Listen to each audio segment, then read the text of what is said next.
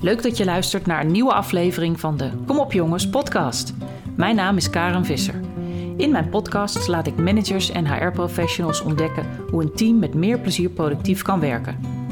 Want het verschil tussen een goed team en een beter team zit hem in het slim omgaan met tijd, taken en energie. Niet harder werken, maar anders en slimmer werken. Wat ik daarmee bedoel en hoe je dat kunt aanpakken, beantwoord ik in de Kom op jongens podcast.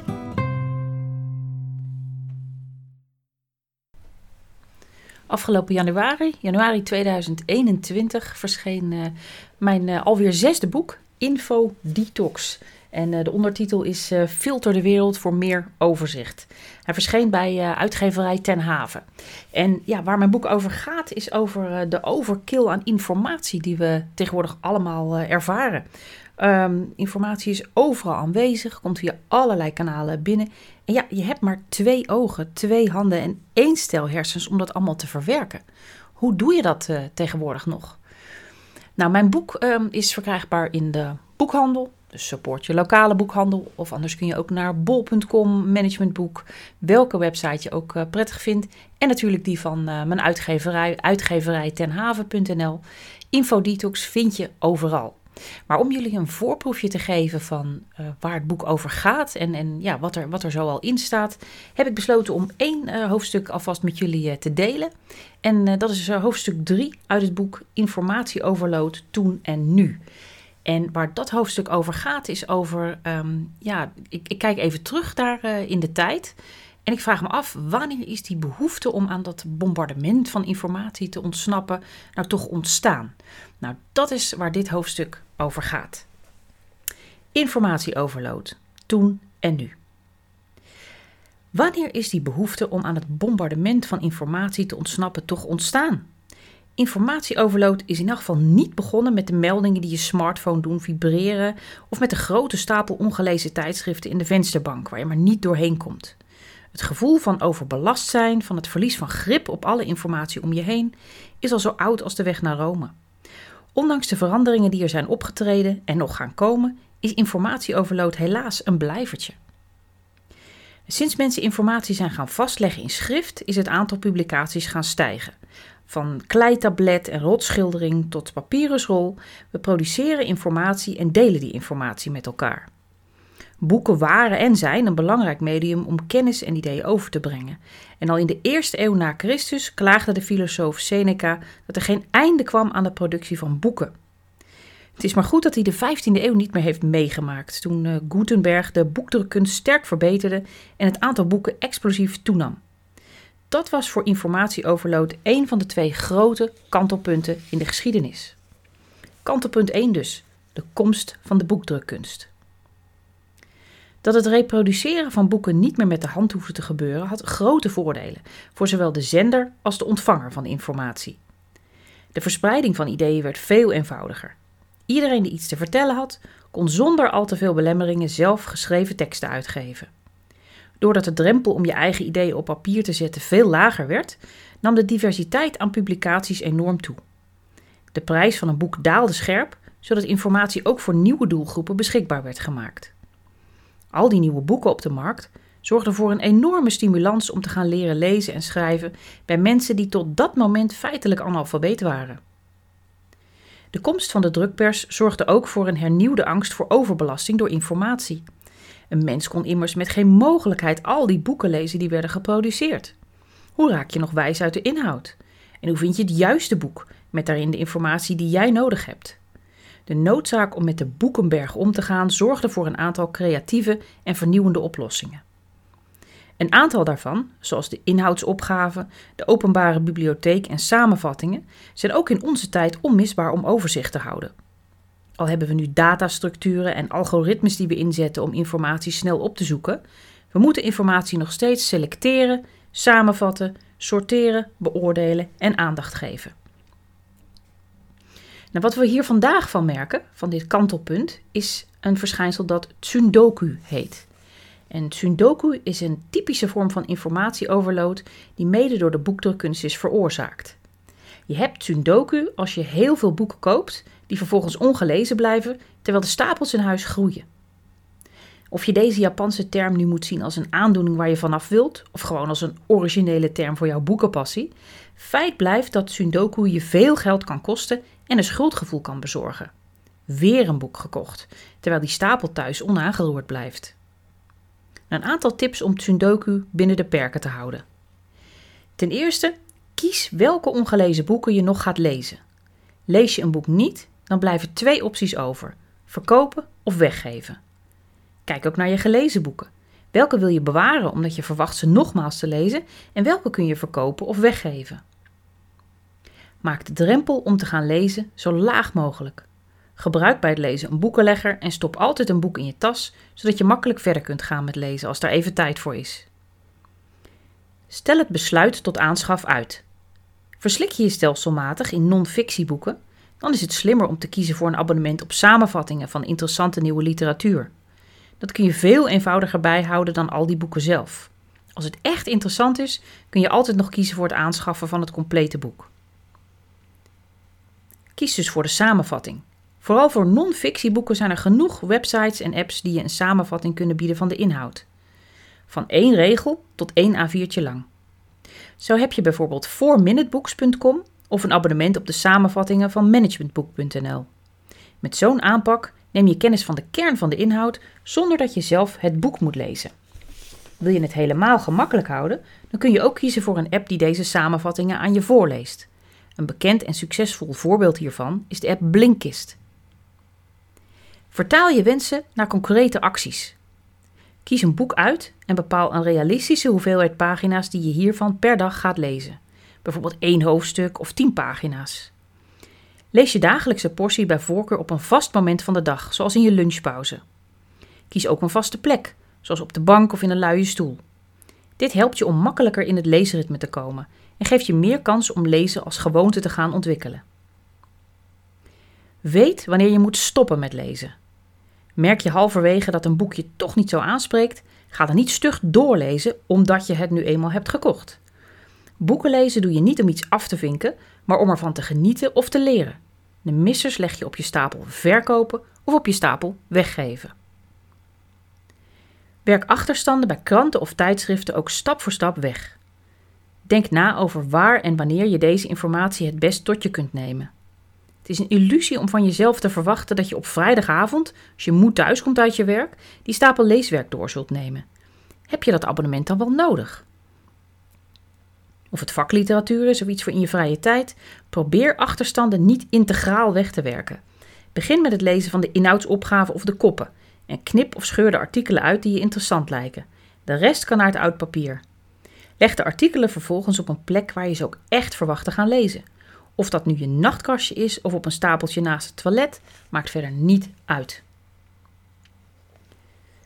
De grote stapels boeken die door de boekdrukkunst in de wereld kwamen, gaven aanleiding tot twee soorten oplossingen. De eerste soort zijn oplossingen die hielpen om boeken beter te ordenen.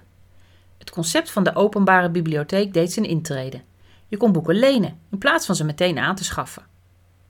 Er kwamen literatuurlijsten en alfabetische indexen om boeken te ordenen op titel en onderwerp. Naarmate er meer boeken werden geschreven over meer onderwerpen, was het nodig om overzicht te houden op hoe al die onderwerpen zich allemaal tot elkaar verhielden. Zo ontstond de taxonomie, een systeem om allerlei termen die bij elkaar horen op een logische manier te ordenen, zodat je weet dat aap net als leeuw en giraf onder de term dier hoort, maar ook onder de term zoogdier. De tweede soort waren oplossingen die hielpen om de inhoud van boeken eenvoudiger tot je te nemen. Denk daarbij aan compilaties, het samenvoegen van de inhoud van meerdere bronnen in een nieuw boek, en selecties uit boeken, een soort best-of. Nog creatiever waren referentieboeken, gevuld met stukjes tekst die letterlijk uit andere boeken waren geknipt. Een andere nieuwe oplossing om informatie slimmer te kunnen verwerken was de introductie van de inhoudsopgave voor in een boek. En natuurlijk kon je het verwerken van informatie makkelijker maken door je eigen vaardigheden te verbeteren. Daartoe kwamen er boeken met tips over hoe je als lezer aantekeningen en samenvattingen van teksten kon maken. Kantelpunt 1 was dus de komst van de boekdrukkunst. Kantelpunt 2 was de komst van digitale technologie. Een tweede kantelpunt dat in onze samenleving zorgde voor een explosie van informatie was de komst van digitale technologie. Net als bij de drukpers leidde ook dit kantelpunt tot een grotere beschikbaarheid van informatie, in combinatie met een scherpe daling van de kosten om het te verspreiden. En net als bij de boekdrukkunst heeft de komst van digitale technologie veranderd hoe we met informatie omgaan. Zelfs zo sterk dat we in de 21ste eeuw leven in een informatiesamenleving. Volgens het woordenboek is dat een samenleving waarin de creatie, de distributie, de verspreiding, het gebruik, de integratie en manipulatie van informatie een belangrijke economische, politieke en culturele activiteit is. We zullen dus wel moeten leren hoe ermee om te gaan, want informatie is overal en altijd aanwezig, privé en op je werk. Waar in 1850 nog maar 4% van de Amerikanen in hun werk overwegend met informatie te maken had, had in 1997 al meer dan de helft van het Amerikaanse bruto nationaal product een basis in het werken met informatie. De economie wordt sindsdien gedomineerd door kenniswerkers. De cijfers voor ons land anno nu als kenniseconomie zullen minstens zo hoog zijn. Wat we hier vandaag van merken, een van de uitwassen, zijn spamberichten. De groeiende digitalisering zorgt ook voor meer communicatie. De meer dan 4 miljard e-mailgebruikers wereldwijd sturen gigantische aantallen berichten naar elkaar. Eén type berichten wordt universeel gehaat en is toch niet uit te bannen, zo lijkt het wel: het spambericht. Van Nigeriaanse kroonprinsen die miljoenen naar je willen overmaken, tot reclame voor Viagra. De afzenders willen iets van je. En het enige dat je hoeft te doen is even klikken op de link die ze geven, hun product bestellen of je persoonlijke informatie naar ze sturen waar ze natuurlijk niets verkeerds mee zullen doen. Naar schatting is 55% van alle verzonden e-mail een vorm van spam en komt 1 op de 5 spamberichten vanuit China. Dat betekent dat er elke dag niet minder dan 107 miljard spamberichten door de digitale wereld vliegen. Een aantal tips om de overlast van spam binnen de perken te houden. Ten eerste, gebruik een apart e-mailadres voor commerciële contacten. Dat adres is bedoeld voor nieuwsbrieven, het downloaden van whitepapers en online winkelen. Zo komt commerciële digitale post, ook de ongewenste, niet tussen je overige digitale post terecht. Wees kieskeurig in je reacties. Klik niet op links, beantwoord geen berichten en open geen bijlagen tenzij je zeker weet van wie het bericht komt en wat de consequentie van je reactie is. Gebruik de technische hulpmiddelen van je e-mailprogramma. Welk e-mailplatform je ook gebruikt, ze hebben allemaal technische hulpmiddelen waarmee je de effecten van spam vermindert of uitbandt. Zo kun je instellen dat berichten waarin afbeeldingen zijn opgenomen niet meer automatisch worden gedownload. Of komt reclame automatisch binnen in aparte mappen. De digitale technologie heeft onmiskenbaar tot veranderingen geleid in onze samenleving. Die veranderingen zet ik op een rijtje. Verandering nummer 1 het onderscheid tussen data en informatie is minder goed te maken. Hoewel we de termen vaak door elkaar gebruiken, zijn data en informatie niet hetzelfde. Data zijn gegevens zonder veel betekenis, zoals cijfers, letters of symbolen. Pas wanneer je betekenis geeft aan data, wordt het informatie.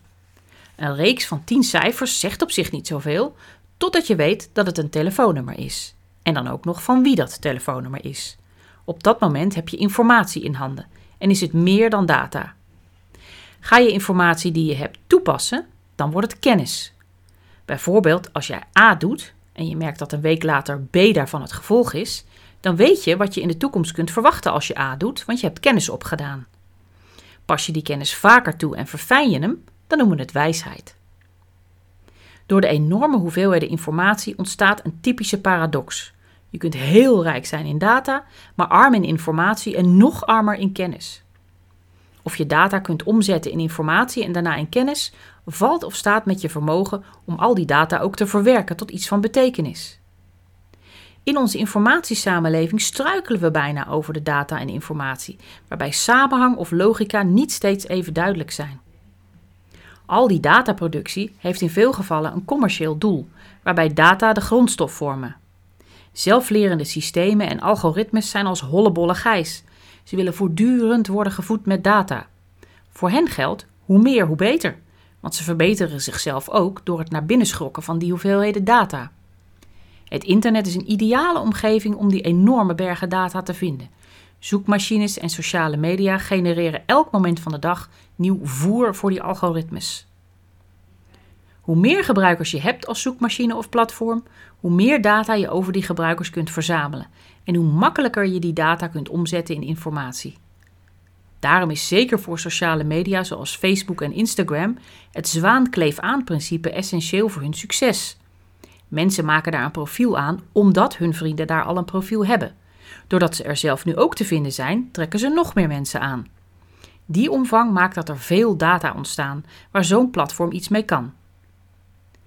Facebook zet de gebruikers in om het platform nog slimmer te maken. Iedere keer dat je iemand of een locatie tagt in een foto, train je Facebook om data, dit is een foto van een mens en een gebouw, om te zetten in nuttige informatie. Dit is een foto van een man die Jos Buitendijk heet en de foto is vandaag gemaakt in de Turkse plaats Istanbul voor de Aya Sofia. Net als Facebook verzamelen ook bedrijven als Uber en Tesla data die ze willen omzetten in bruikbare informatie. In hun geval zijn de bronnen vooral je transportgewoontes en verkeerspatronen. Dat doen ze niet omdat ze zo benieuwd zijn naar welke route je naar je werk rijdt en hoe lang je erover doet, maar omdat ze iets kunnen verdienen aan die informatie. Dat de motivatie voor het verzamelen van data en informatie vaak geld is, verklaart meteen de tweede verandering die digitale technologie met zich meebrengt. Verandering nummer twee is dat data en informatie verhandelbare producten zijn geworden. Informatie is te koop, maar de prijs ligt lager dan ooit. In de middeleeuwen moest je rijk zijn om een boek te bezitten, want het produceren van een boek was een duur en langdurig proces. Een boek werd immers met de hand geschreven. Als gevolg hiervan liepen alleen de elite en academici enig risico op informatieoverload. Tegenwoordig komt informatie naar je toe tegen lage kosten, of zelfs helemaal voor niets, of je het nu wil of niet. Van reclamefolder tot spam, van tv-programma tot tijdschriftartikel, de kosten zijn geen criterium meer om aan informatie te komen. De overvloed stimuleert ons zelfs eerder om te willen betalen om informatie niet te krijgen, of alleen maar in sterk gefilterde vorm. Het woord big in big data zegt dus niet alleen iets over de hoeveelheid data in de wereld, maar ook over, de over hoeveel impact het heeft op de economie. Informatie is voor de 21ste eeuw wat olie voor de 20ste eeuw was: een katalysator voor groei en verandering. Alle data en informatie die de wereld produceert, consumeert en verwerkt, heeft voor grote veranderingen gezorgd op maatschappelijk en macro-economisch niveau. Je kunt een hele economie groeperen rondom informatie. Het is een ruwe grondstof geworden. Het gemak waarmee we met hulp van digitale technologie informatie produceren, verspreiden en opslaan, maakt dat data en informatie ook steeds meer verhandelbare producten zijn geworden. Je kunt data en informatie verkopen of ruilen. En het kan gestolen worden als het grote waarde heeft en onvoldoende is beveiligd. Vooral persoonlijke informatie, zoals wat je leuk vindt, de plaatsen waar je bent geweest, je leeftijd of je adresgegevens, heeft tegenwoordig niet alleen een sociale, maar ook een financiële waarde. Daarom zijn de beveiliging en transparantie van de informatiestromen die door de wereld gaan belangrijke factoren voor een actieve en gezonde informatie-economie.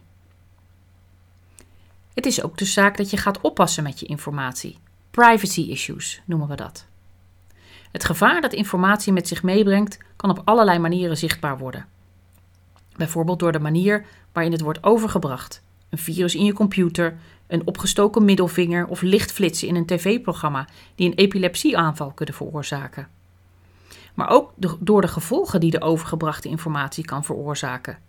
Normen die vervagen, conflicten die ontstaan, een auto-ongeluk doordat je afgeleid bent door een reclamebord of een website die crasht doordat meerdere computers tegelijk de website overspoelen met data. Een van de gevaren die steeds vaker aandacht krijgen zijn de privacy issues die samenhangen met het gebruik van persoonlijke informatie. Ineke, 39, vertelt daarover. Ik heb heel bewust mijn Facebook-account verwijderd toen ik doorkreeg op welke sneaky manieren alles wat ik deed werd vastgelegd en verkocht. Ik had enthousiast foto's en video's geplaatst van de puppy die we zouden gaan krijgen. En ik merkte meteen een stijging in de reclameberichten over hondenproducten. Misschien naïef van mij, ik dacht dat de inhoud van mijn posts niet zo spannend was dat een andere partij daarnaar zou kijken. Ineke had al eerder bedenkingen over sociale media toen ze kritisch ging kijken naar het plaatsen van foto's van haar achtjarige dochter. Voor mij was het gewoon onschuldig, zegt ze. Leuk toch? Voor oma en opa en mijn vriendinnen om te zien dat we naar de dierentuin gingen vandaag. Of hoe de eerste schooldag is geweest. Totdat iemand me wees op de techniek erachter en uitlegde dat je aan de informatie van zo'n foto ook kunt zien waar Femke's school is en wanneer de foto precies is gemaakt. Ze vond dat ik door dit soort informatie te delen onbedoeld mijn kind in gevaar bracht. Of foto's op sociale media zetten echt heel riskant is, betwijfelt Ineke. Ik geloof heus niet dat er morgen een kinderlokker op haar schoolplein staat, zegt ze. Maar het zette me wel aan het denken. Wie ziet dit allemaal? En hoe makkelijk kan zo'n foto worden gekopieerd en bewerkt? Sindsdien stuur ik de foto's gewoon per e-mail naar opa en oma. Mijn vriendinnen zien de foto's wel als ik met ze afspreek. Zo heb ik tenminste ook nog nieuwe gesprekstof en hoor ik niet steeds: ja, dat wist ik al. Het feit dat mensen makkelijk persoonlijke informatie over zichzelf weggeven, zeker wanneer ze er iets gratis voor terugkrijgen, zoals korting of een eigen pagina op een online platform, wordt steeds problematischer naarmate de privacy verder in het geding raakt. Zelfs al geef je niet bewust informatie weg over jezelf, dan nog laat je zogenaamde data-uitlaatgassen achter. Het spoor dat je als internetgebruiker aanmaakt en waaraan een commerciële partij kan verdienen. Op welke termen zoek je vooral? Welke informatie vind je belangrijker of aantrekkelijker? Op welk type links klik jij als eerste? Afhankelijk van het antwoord op die vragen worden sommige opties die jij bij een zoektocht kan tegenkomen door een zoekmachine nog verder omhoog geduwd in de resultaten. De commerciële belangen die samenhangen met informatie maken dat je extra kritisch moet blijven kijken naar de achtergronden ervan. Wie produceert deze informatie en waarom? Wat zijn de belangen die bij deze informatiebron meespelen en wat betekent dat voor mij? De waarde van data of informatie is moeilijk te bepalen. De ene stroom is de andere niet en de waarde verschilt per toepassing. Bovendien is digitale informatie niet exclusief door één persoon tegelijk te gebruiken. Je kunt een database met persoonsgegevens aan meerdere partijen verkopen. De waarde zit meer in het recept, het algoritme dat de informatie verzamelt, dan in de ingrediënten, de informatie zelf. Dat recept vernieuwt zichzelf voortdurend, omdat algoritmes zelflerend zijn. Hoe meer data je ze voert en hoe verser die data zijn, hoe krachtiger de algoritmes worden.